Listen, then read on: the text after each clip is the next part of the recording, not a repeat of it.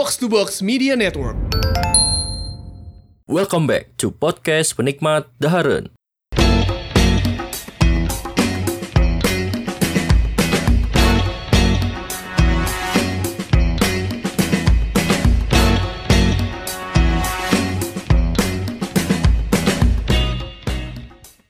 Halo, balik lagi bersama saya di sini Yosef Muhammad Firdaus di podcast Penikmat Daharen.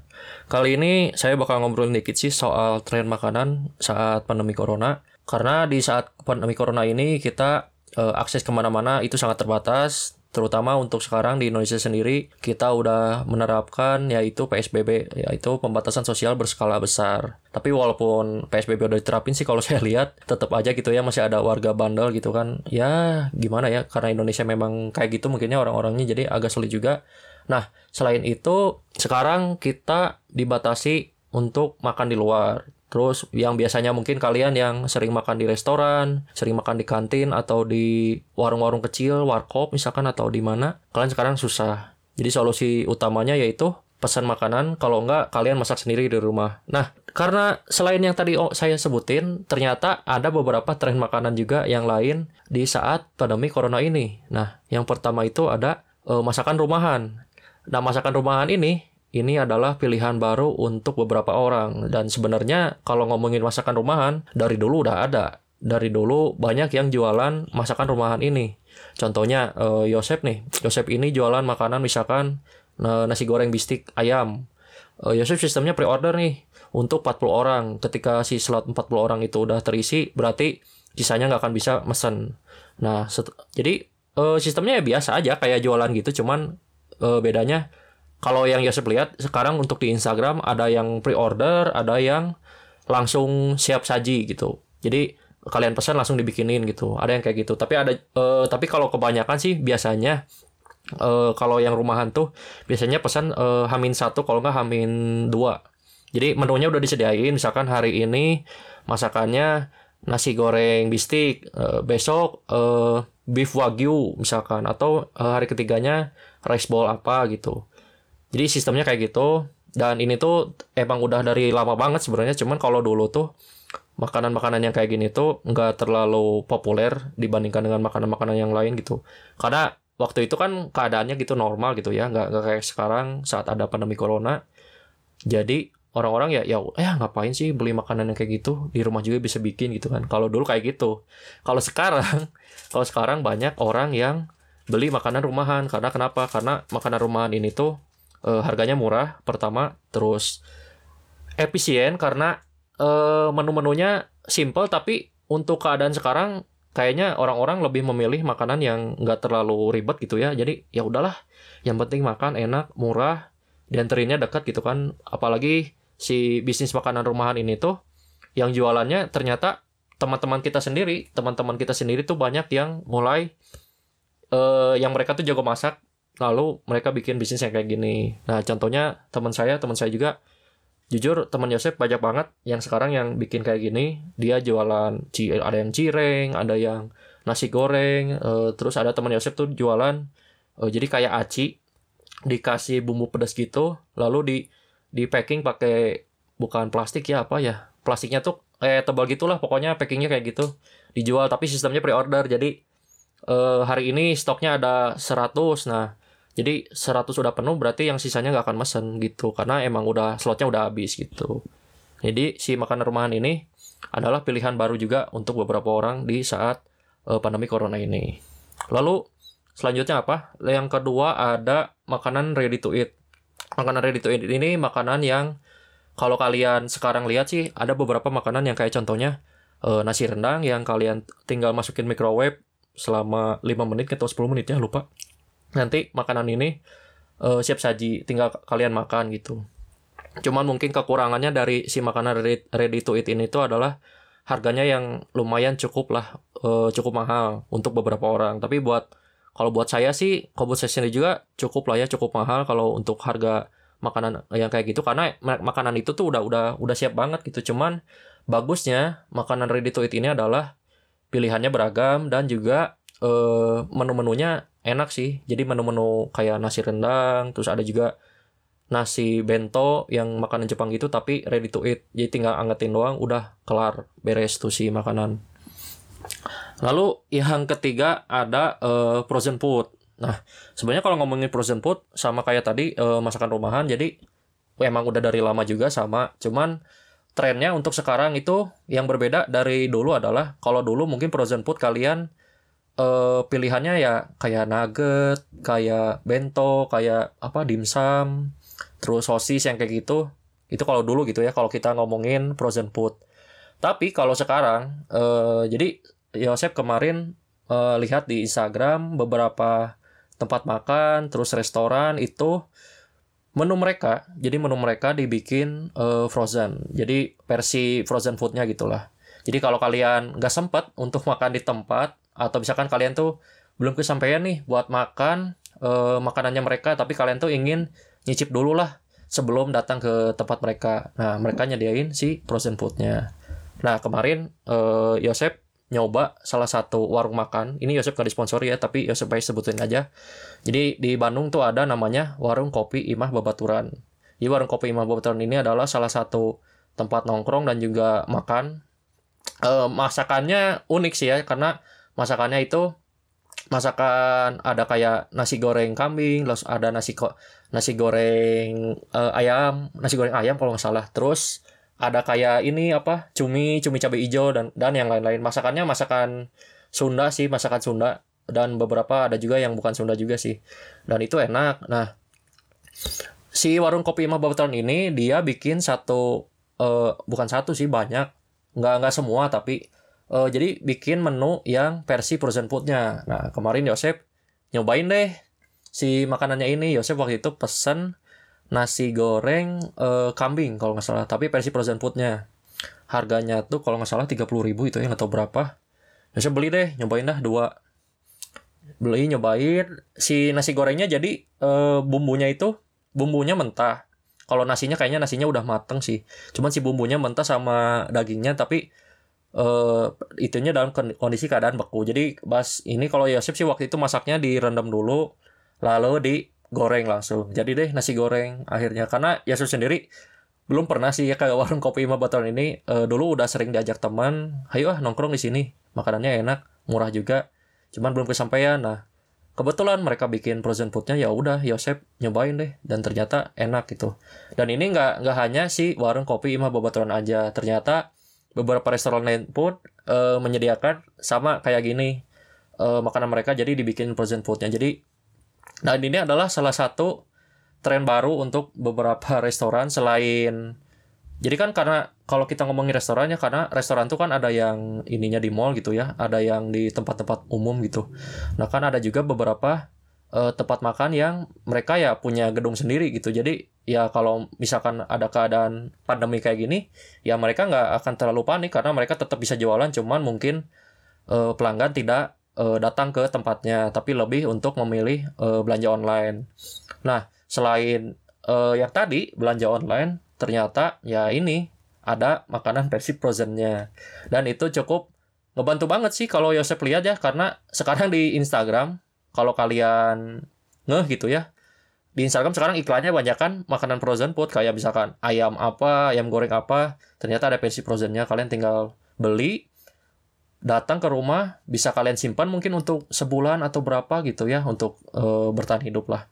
Terus bisa langsung juga kalian masak gitu. Rasanya sama kayak di restorannya gitu. Itulah si kelebihannya mungkin ya kalau kekurangannya nggak uh, semua restoran uh, nyediain uh, makanan versi frozen food ini. Jadi masih masih beberapa sih. Cuman kayaknya kalau ngelihat dengan keadaan kayak gini, kayaknya ke depannya sih bakal banyak sih restoran yang bikin uh, makanan mereka dibuat untuk uh, versi frozen foodnya gitu. Terus jadi selama uh, kita diam di rumah ini ada juga tren lain yaitu orang-orang banyak yang memanfaatkan waktunya untuk belajar memasak. Kayak contohnya teman saya nih, teman saya ini tuh dia sebenarnya nggak nggak jago masak gitu ya. Jadi masaknya mah ya normal lah kayak masak nasi goreng yang kayak gitu. Tapi setelah WFH dia cerita ke saya, uh, sekarang tuh jadi suka ngulik masak jadi buka resep masak apa bikin upload di story buka apa bikin lagi bikin lagi pokoknya dia sering upload lah di story uh, kata saya tuh wih keren eh jadi ternyata uh, diam di rumah ini nggak nggak apa nggak terlalu bete-bete banget gitu ya untuk yang orang-orang yang suka ngulik gitu. Apalagi yang suka ngulik masak gitu. Dan karena dengan internet sekarang kan sumbernya banyak gitu ya. Kalau kalian mau nyari resep ya nggak susah-susah amat sih kalau sekarang mah. Jadi kalau kalian mau belajar masak gampang banget sih sekarang di YouTube bisa. Terus di aplikasi aplikasi resep tuh yang di iOS ataupun di Android ada juga kan. Nah, kalian bisa juga di situ. Karena banyak juga resep-resep yang mungkin resepnya resep rumahan tapi rasanya ya enak lah. Lumayan gitu untuk masak-masak juga.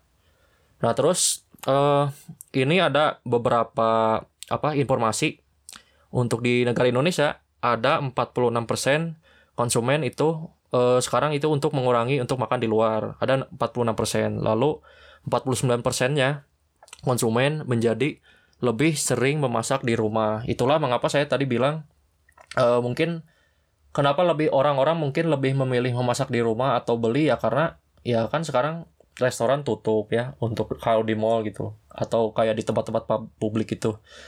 Terus untuk yang restoran yang buka misalkan yang tadi uh, punya gedung sendiri ya mungkin orang-orang yang orang-orang ini yang masak sendiri di rumah ini mungkin pilihannya ya hemat uang gitu ya karena keadaan sekarang kan banyak yang di PHK gitu. Ada yang nggak kerja ada yang kerjanya digaji eh apa potong eh, gajinya dipotong dan sebagainya. Jadi pilihannya adalah masak sendiri. Karena masak sendiri kita tinggal beli bahannya di pasar atau di mana dan juga itu lebih murah.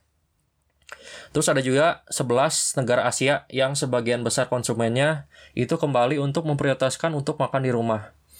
Eh, itu ada Tiongkok 86%, lalu ada Hong Kong 77%, lalu ada Korea Selatan, Malaysia, Vietnam itu 62%. Nah, ini ada sedikit fun fact. Jadi kalau di Tiongkok, kalau kalian tahu, kalau kalian yang belum tahu gitu ya.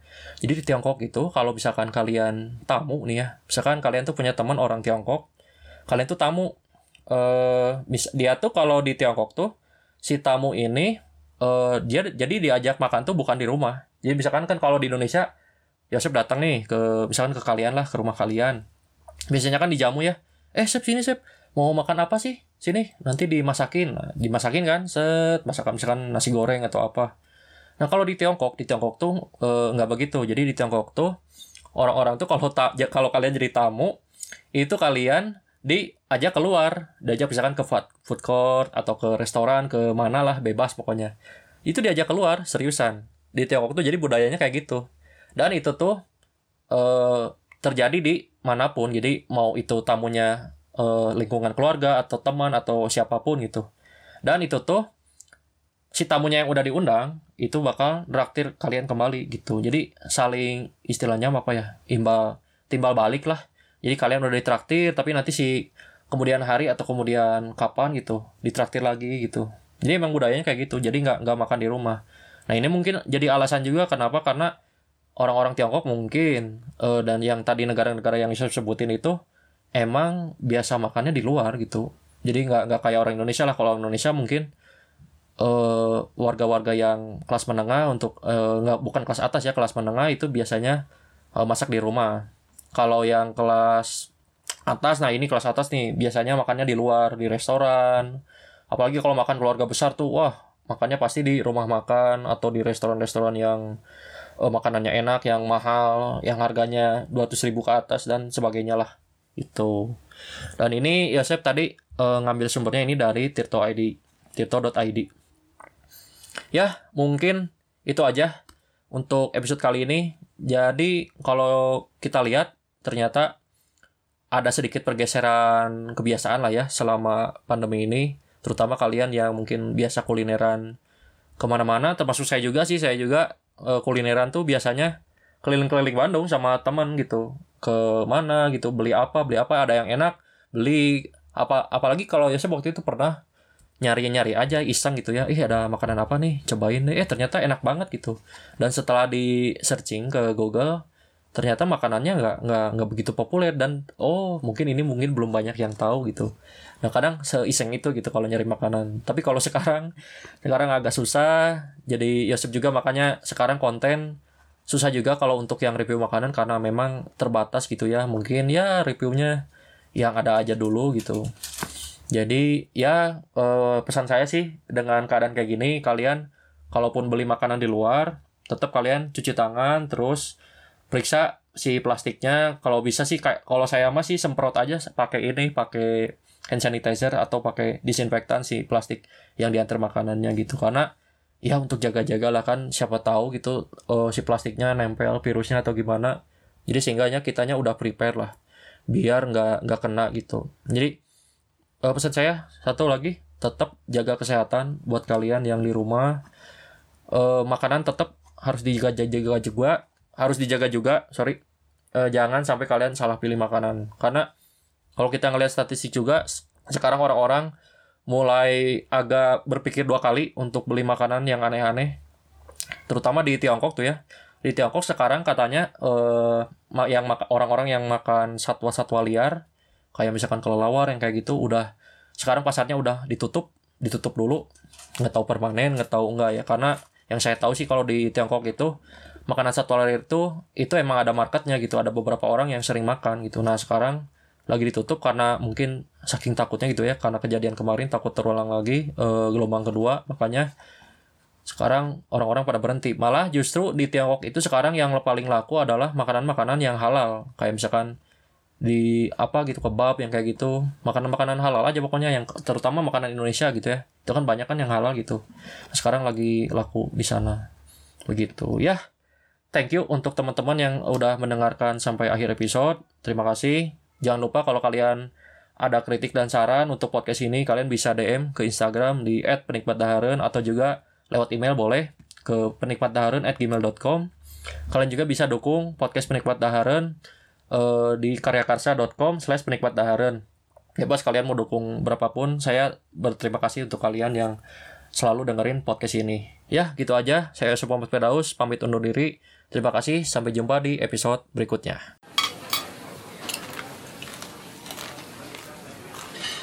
Makanan enak itu nggak harus mewah, apalagi mahal.